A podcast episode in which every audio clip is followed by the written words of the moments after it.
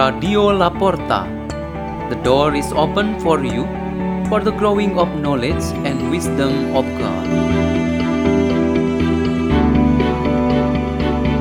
By Markus Eko Bonorianto, lay minister of the parish of St. John Bosco, Danau Sunter, Jakarta.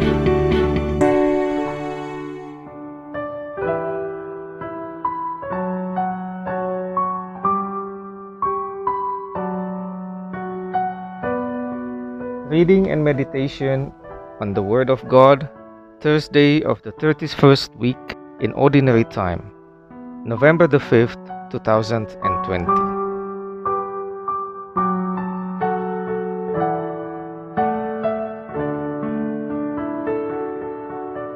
The reading is taken from the letter of St. Paul to the Philippians. Brothers and sisters, we are the circumcision, we who worship through the Spirit of God, who boast in Christ Jesus and do not put our confidence in flesh, although I myself have grounds for confidence even in the flesh. If anyone else thinks he can be confident in flesh, all the more can I, circumcised on the eighth day, of the race of Israel, of the tribe of Benjamin, a Hebrew of Hebrew parentage, in observance of the law of Pharisee. In zeal I persecuted the church. In righteousness based on the law I was blameless. But whatever gains I had, these I have come to consider a loss because of Christ. More than that, I even consider everything as a loss because of the supreme good of knowing Christ Jesus, my Lord. The word of the Lord.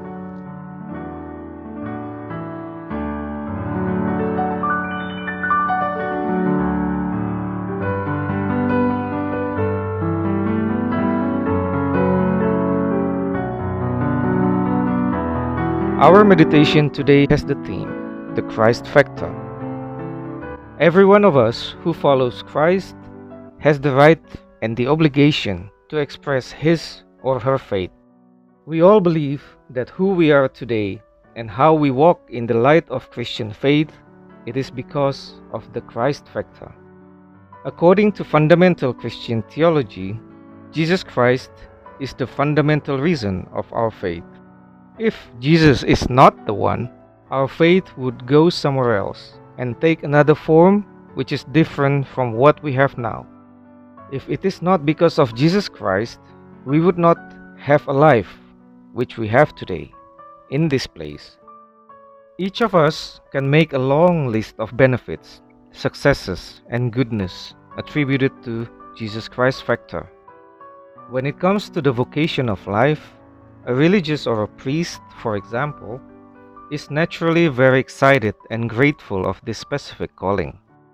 In this regard, the Christ factor is considered as the ultimate answer for the growing of this vocation and the mission it entails.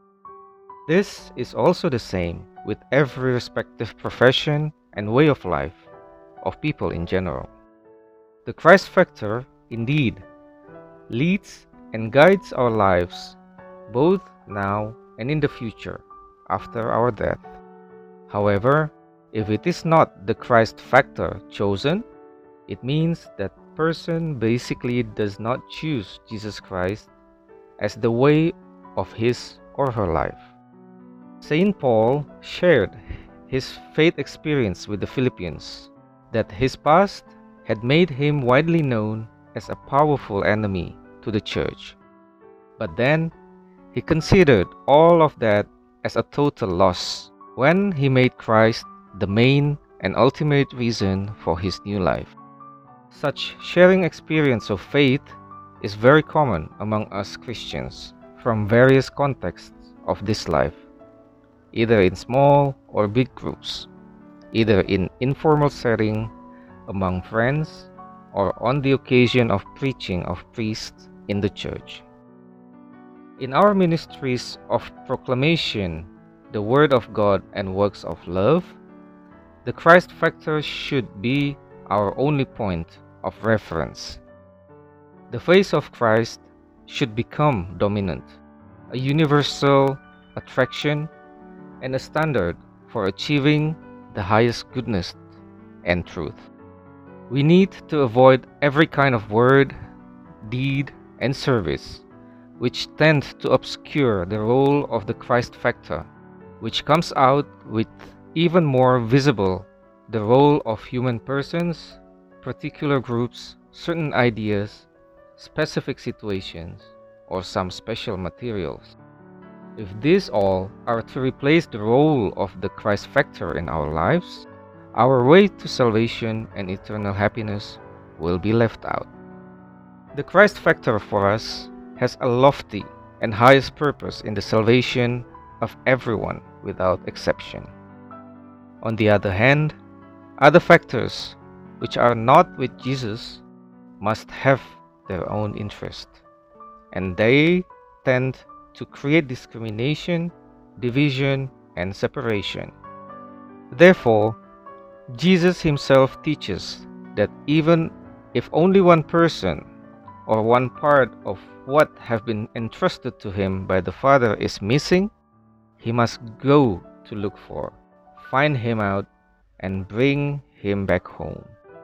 In heaven, there will be a great joy when one who has lost is found safely and walking joyfully in the way of Jesus Christ. Let us pray. In the name of the Father, and of the Son, and of the Holy Spirit. Amen. O Lord Jesus, make us saviors for our neighbors who are lost from your truth, way, and life. Glory be to the Father, and to the Son, and to the Holy Spirit, as it was in the beginning, is now, and ever shall be, the world without end. Amen. In the name of the Father, and of the Son, and of the Holy Spirit. Amen. Radio La Porta. The door is open for you.